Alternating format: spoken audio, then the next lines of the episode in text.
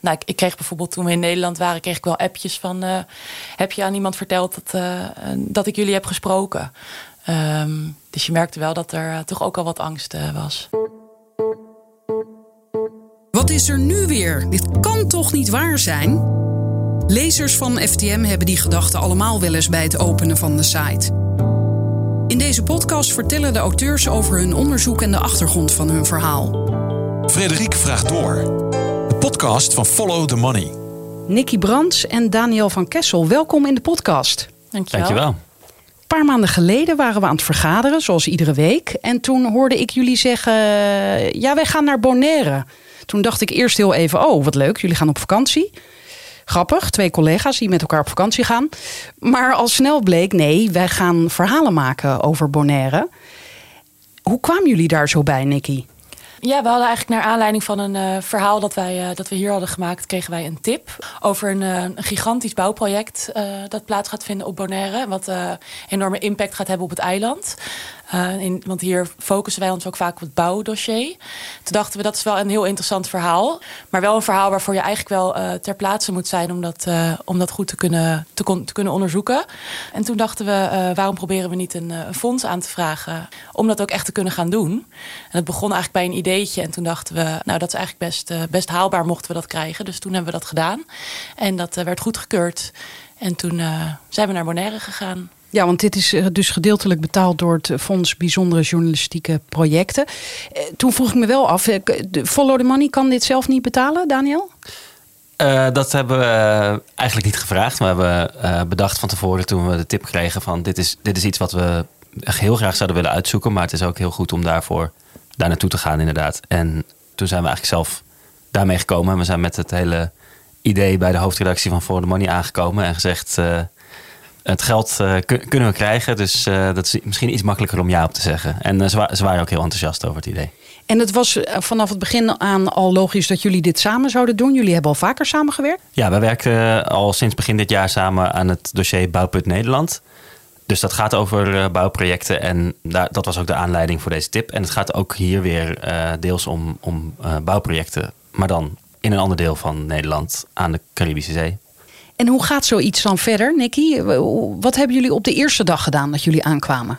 Nou, we kwamen aan op, uh, op zondag. Toen hebben we uh, even geacclimatiseerd. Het was ook best wel een, uh, een lange vlucht. Dus we waren ook best moe toen we aankwamen. En toen zijn we eigenlijk een planning gaan maken. Um, afspraken gaan maken met mensen. We hadden vanuit Nederland al veel mensen gesproken. En geprobeerd wel een, een netwerk uit te zetten. Ja, dus toen zijn we eigenlijk gaan bedenken van hoe gaan we, dat, hoe gaan we het allemaal aanpakken in de tijd die we hier hebben. Ja, en om al die mensen te kunnen opzoeken waarmee we afspraken hadden gemaakt van tevoren, hebben we twee scooters gehuurd. Dat is een hele gebruikelijke manier om, uh, om je te verplaatsen op Bonaire. Het is, het is een heel klein eiland. Het is anderhalf keer uh, geloof ik. Dus die hebben die zondag opgehaald. En ja, we hebben natuurlijk ook gewoon ons appartement wat we hadden gehuurd opgezocht. We hebben het eiland verkend. ja, gewoon alles om klaar te zijn om aan het werk te gaan. En dat ging allemaal om dat grote bouwproject dat eigenlijk nog moet beginnen, begreep ik. Ja, er is de tip die we kregen die gaat over een project wat nog moet beginnen. Maar eigenlijk terwijl we dat aan het voorbereiden waren, uh, voordat we erheen gingen, kwamen we eigenlijk al allerlei andere verhalen tegen. En zeker toen we daar aangekomen waren en echt met mensen gingen praten, bijvoorbeeld uh, lokale oud-politici of uh, huidige politici, mensen die veel van het eiland weten van Bonaire, die vertelden ons dingen waarvan we dachten dat is eigenlijk misschien nog wel veel urgenter om daar iets mee te doen. Dus uh, we zijn niet over de, alleen dat onderwerp wat in die tip zat gaan schrijven, maar ook over uh, nou ja, nog, nog een hoop andere dingen. Sterker nog, het, het, grote verhaal waarvoor jullie eigenlijk gingen, daar, dat moeten jullie nog gaan schrijven, toch? Ja, dat, uh, daar gaan wij nu aan beginnen. Het ging eigenlijk zo dat we dus voor een specifiek bouwproject gingen. En toen we op het eiland aankwamen, we erachter kwamen dat er veel grotere problemen spelen. Rondom, vooral rondom het verlenen van bouwvergunningen. Het toerisme op Bonaire uh, heeft echt een vlucht genomen de afgelopen jaren. Uh, er zijn een aantal gigantische resorts bijgekomen. Wat wij eigenlijk van heel veel verschillende bronnen te horen kregen... was dat een aantal van die resorts niet de juiste vergunningen had om te bouwen. En eigenlijk dat de lijntjes tussen um, die resortbouwers en lokale bestuurders heel kort zijn.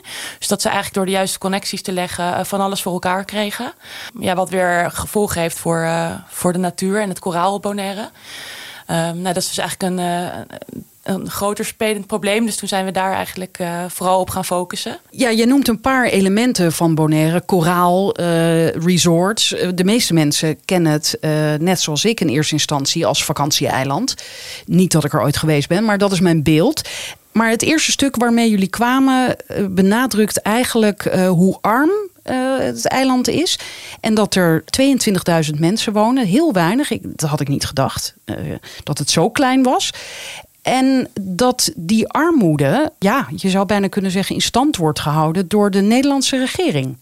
Ja, dat is iets wat we ook meteen zagen toen we daar aankwamen. Dat er gewoon een enorm contrast zit tussen eigenlijk die grote bouwprojecten die wij gingen onderzoeken. Dat gaat over hotels, resorts, villa's voor uh, eigenlijk voor rijke Westelingen die daar uh, ja, een tweede huis of die daar heen willen verhuizen.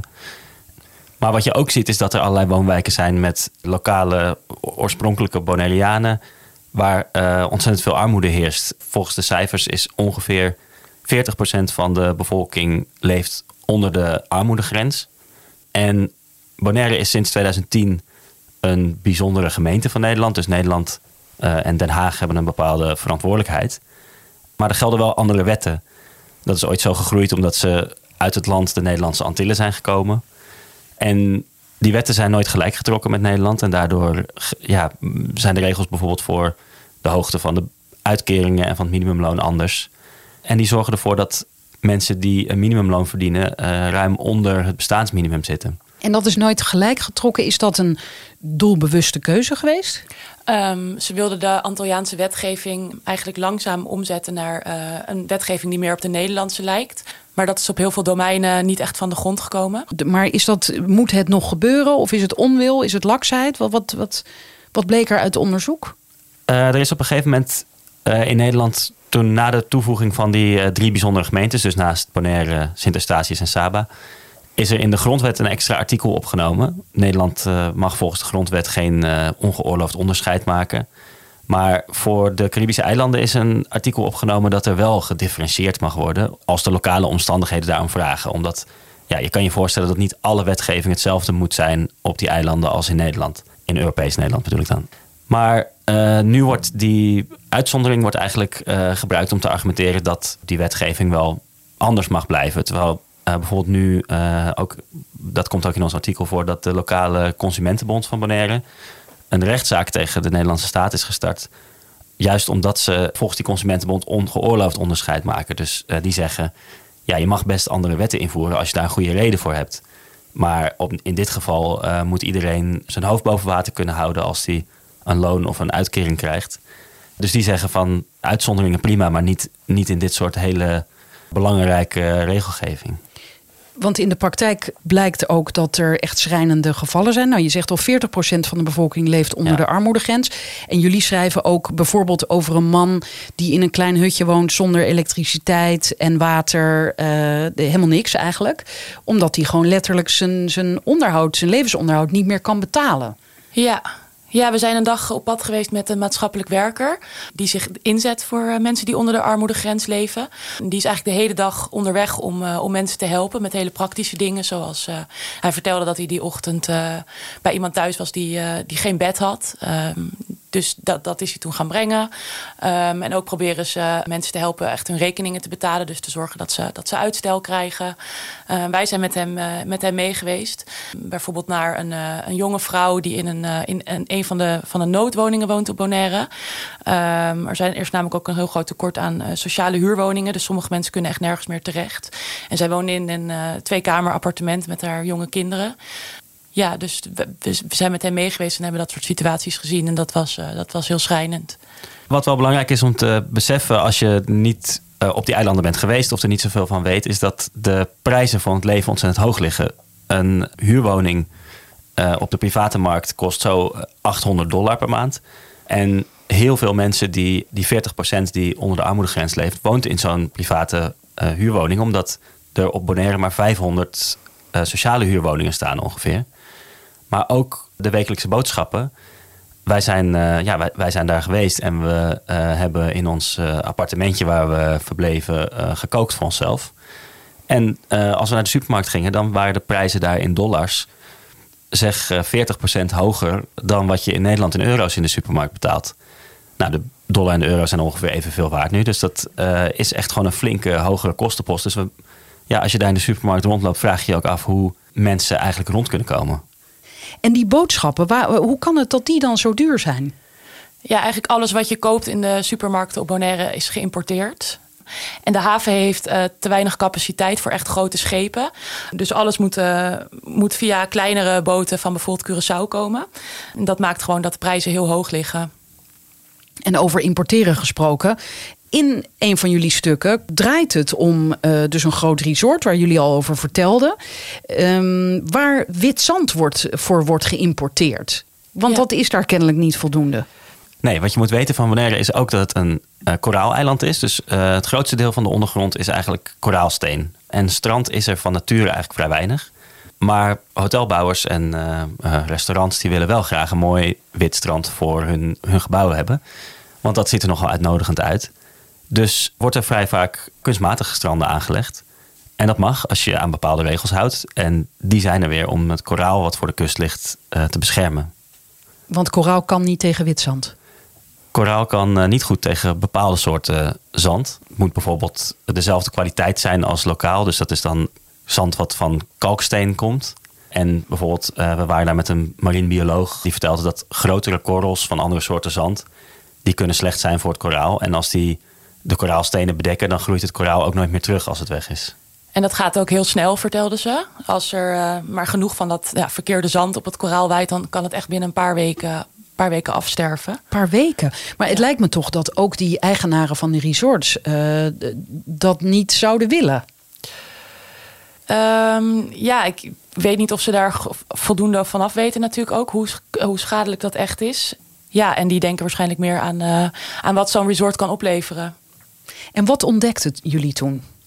We hebben gezien dat er bij een aantal, in minstens twee van die resorts kunststranden of kunstmatige stranden illegaal zijn aangelegd. En dat betekent, je moet dus aan bepaalde eisen voldoen en dan kan je een vergunning krijgen. En dat is een, een natuurvergunning. Uh, maar bleek dat sommige van die uh, eigenaren gewoon of nooit zo'n vergunning hadden aangevraagd, of eigenlijk dingen deden die überhaupt niet binnen die regels zouden kunnen passen. En daar kwamen ze toch mee weg. En hoe kan dat? Nou, wat wij eigenlijk vanaf het begin al te horen kregen, was dat er uh, korte lijnen bestaan tussen uh, die vooral Nederlandse vastgoedondernemers en lokale bestuurders. Dat er bijvoorbeeld toezeggingen worden gedaan van, uh, nou, we gaan die vergunning bij wijze van spreken samen regelen, komt wel goed. En dat er dan eigenlijk wordt toegestaan dat dat, dat zand alvast wordt aangelegd. Dus vriendjespolitiek? Ja, vriendjespolitiek. Ja, zo zou je het wel kunnen kunnen omschrijven. En waar, waren mensen daar open over om dat aan jullie te vertellen? Best wel. Um, ik denk dat de frustratie, we merkten dat de frustratie best wel, uh, best wel hoog was voor mensen. Dat die echt wel bereid waren om dat uh, ons te vertellen en ons ook documenten uh, aan te leveren. Bijvoorbeeld vertrouwelijke overheidsdocumenten. Maar wat we wel merkten was dat mensen heel bang zijn. Da dat blijkt dat zij met ons hadden gesproken. dus bijna iedereen wilde wel anoniem vertellen. het is gewoon een heel klein eiland. Dus wanneer blijkt dat jij hebt gesproken met twee journalisten over dit soort onderwerpen is de kans gewoon groot dat je niet meer zo snel een nieuwe baan krijgt, bijvoorbeeld.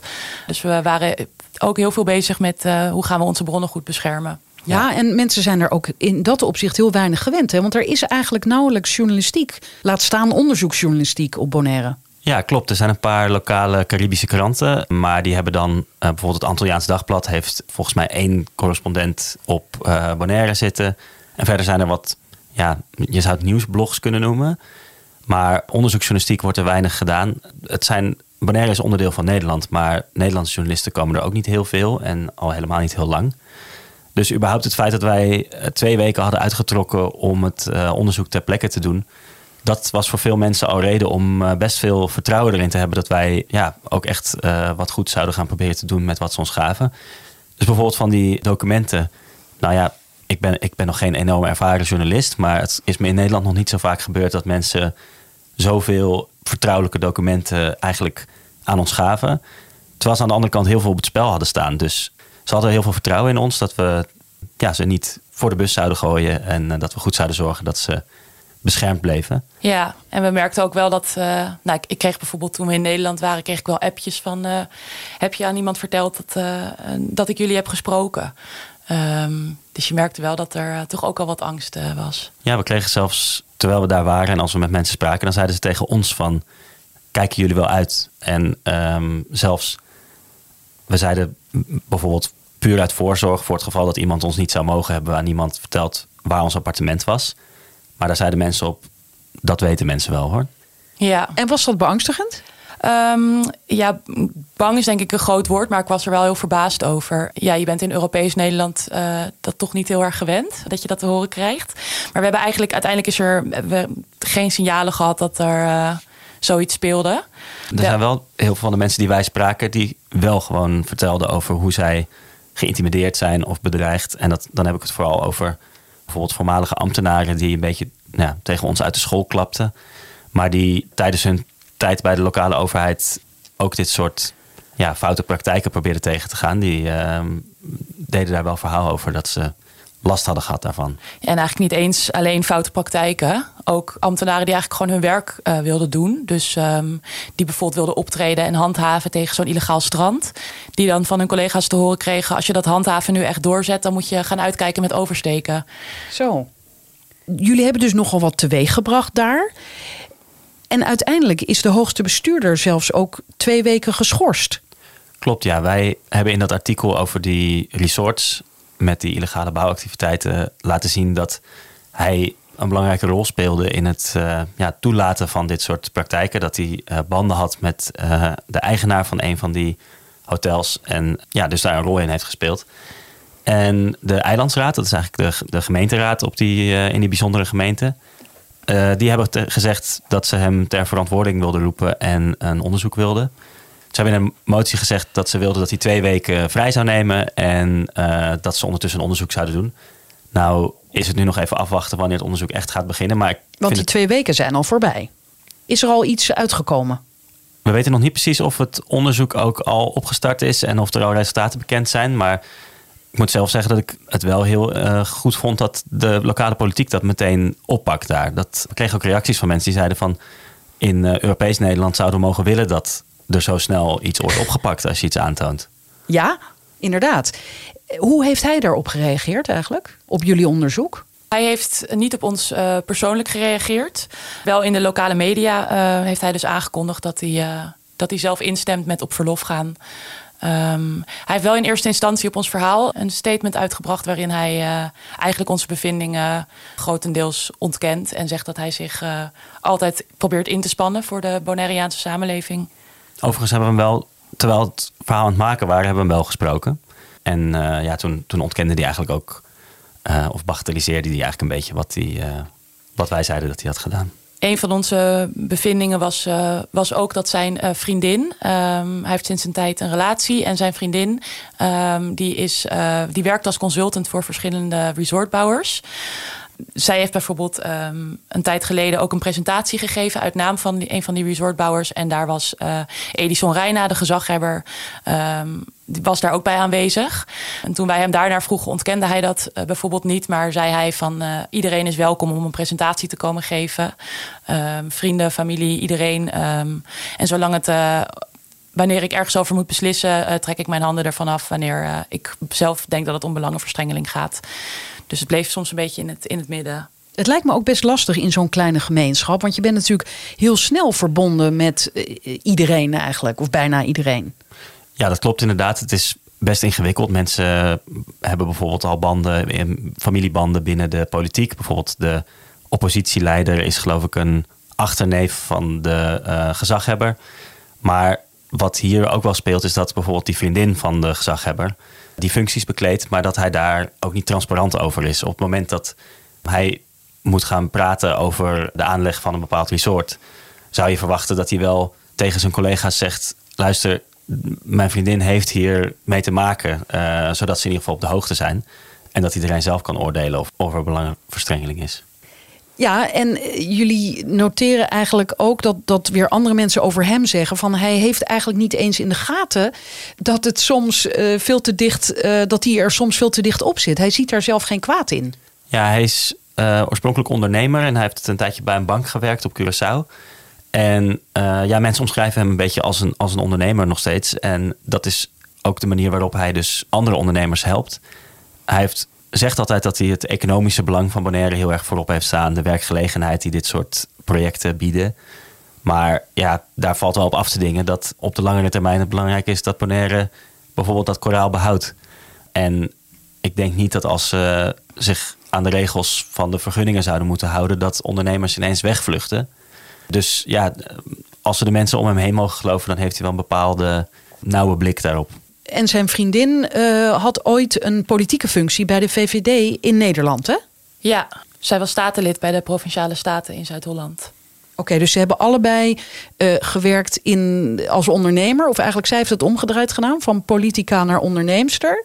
Consultant. En hij van ondernemer naar politicus. Ja, en wat opvallend was aan haar carrière... is dat ze ook in Nederland werkte als consultant voor bedrijven... die communicatie met het Midden-Oosten hebben.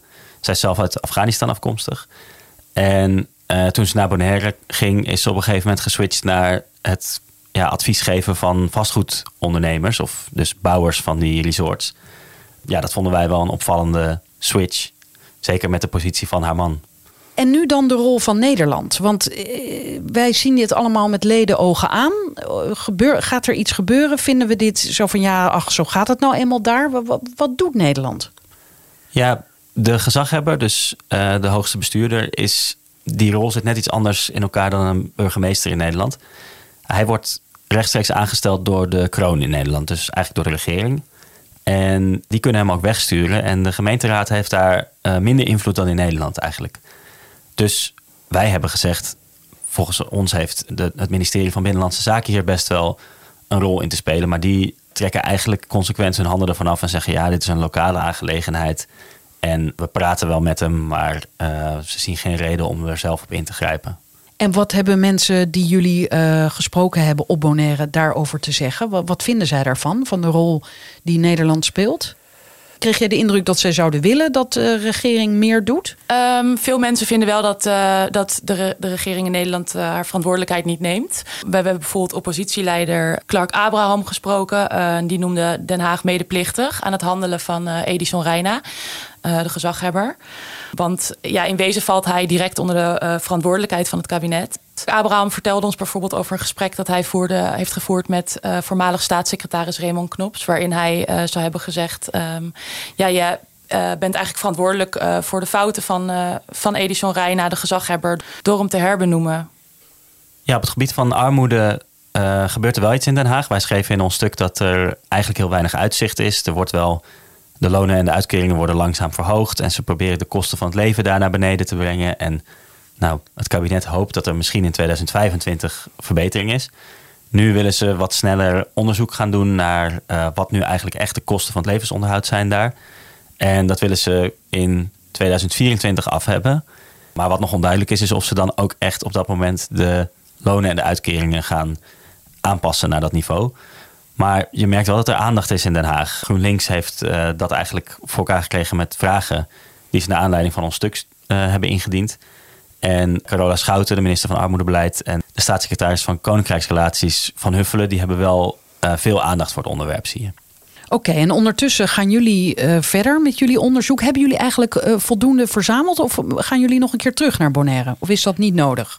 Um, voor de verhalen waar we nu mee bezig zijn, hebben we in principe uh, genoeg verzameld. Ja, we zijn nu bezig met het uh, verhaal te schrijven waarvoor we in eerste instantie uh, naar het eiland zouden gaan. Ja, kan je nagaan, want jullie kwamen zoveel tegen onderweg. Dat ja. nu begint pas het grote verhaal. Ja. En wat kan je daar al over prijsgeven? Um, dat het een. Um, ja, eigenlijk een casus is uh, van problemen die we in eerdere artikelen hebben, hebben aangekaart. En het is een, uh, een bouwproject dat enorme impact gaat hebben op het eiland. Um, dus dat gaan wij, uh, hopen wij zo goed mogelijk neer te zetten. Maar er zijn andere mensen bij betrokken dan de mensen die jullie nu hebben geportretteerd. Andere ondernemers. Klopt, ja. Hele nieuwe ondernemers die naar Bonaire zijn gekomen. Ja, iemand die een heel groot stuk grond daar gekocht heeft, waar nu nog natuur is. Kennen wij diegene? Mm. Um, mensen hier kunnen hem zeker kennen. Um, het is een ondernemer die in de quote 500 staat. Hij heeft in Europees Nederland een heleboel bedrijven. En hij heeft nu een enorm stuk grond op Bonaire gekocht. En daar zijn grote plannen voor. Uh, en de vraag is vooral of de politiek daar op Bonaire nu uh, in meegaat. Of dat ze hem in dit geval niet zijn gang laten gaan en uh, er een stokje voor steken. En daar gaat ons volgende verhaal over.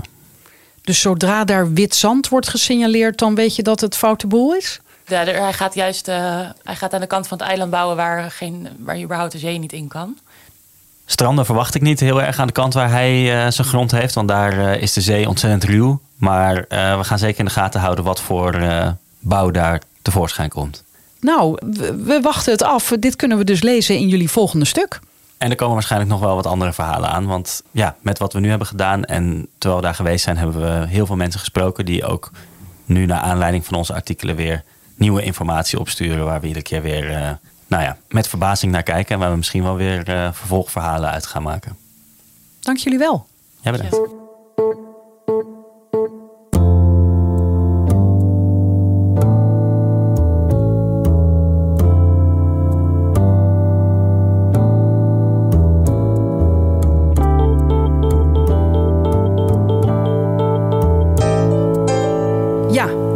Toeval wil dat ik de podcast nog niet had gepubliceerd. En toen kwam er nieuws over jullie dossier. Dus heb ik je nog even teruggevraagd naar de studio. Wat is er gebeurd?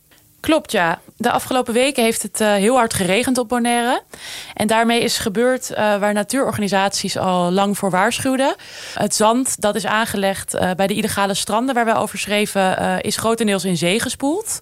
En dat is heel schadelijk voor het koraal. Dat, dat sterft daarvan af.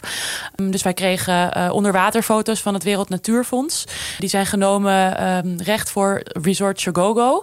En daar zie je dus dat dat, dat, dat zand het koraal helemaal bedekt. Het nieuws dat wij vandaag eh, op 1 december hebben eh, gepubliceerd... is dat het eh, Openbaar Ministerie op Bonaire onderzoek doet... naar de aanleg van het illegale strand bij Chogogo. En daarin heeft het Openbaar Ministerie een belangrijke eerste stap gezet. Het heeft namelijk ehm, documenten gevorderd bij de lokale overheid. Ehm en Schellevis, de resort-eigenaar, is verdachte in dat onderzoek. Maar die documenten moeten ook licht gaan werpen op de rol van lokale bestuurders... bij de aanleg van dat strand. Ja, want daarover gesproken, destijds was het niet helemaal, toen wij elkaar spraken eerder, nog niet helemaal duidelijk wat er nou met die hoogste bestuurder, of, of die nou aan het werk was of niet. Heb je daar ook meer informatie over? Ja, na ehm, de moties die toen gedaan zijn eh, in de raad is eh Reina twee weken geschorst. En er zouden twee eh, integriteitsonderzoeken naar hem komen. Voor zover wij hebben begrepen eh, zijn beide onderzoeken nog niet eh, begonnen.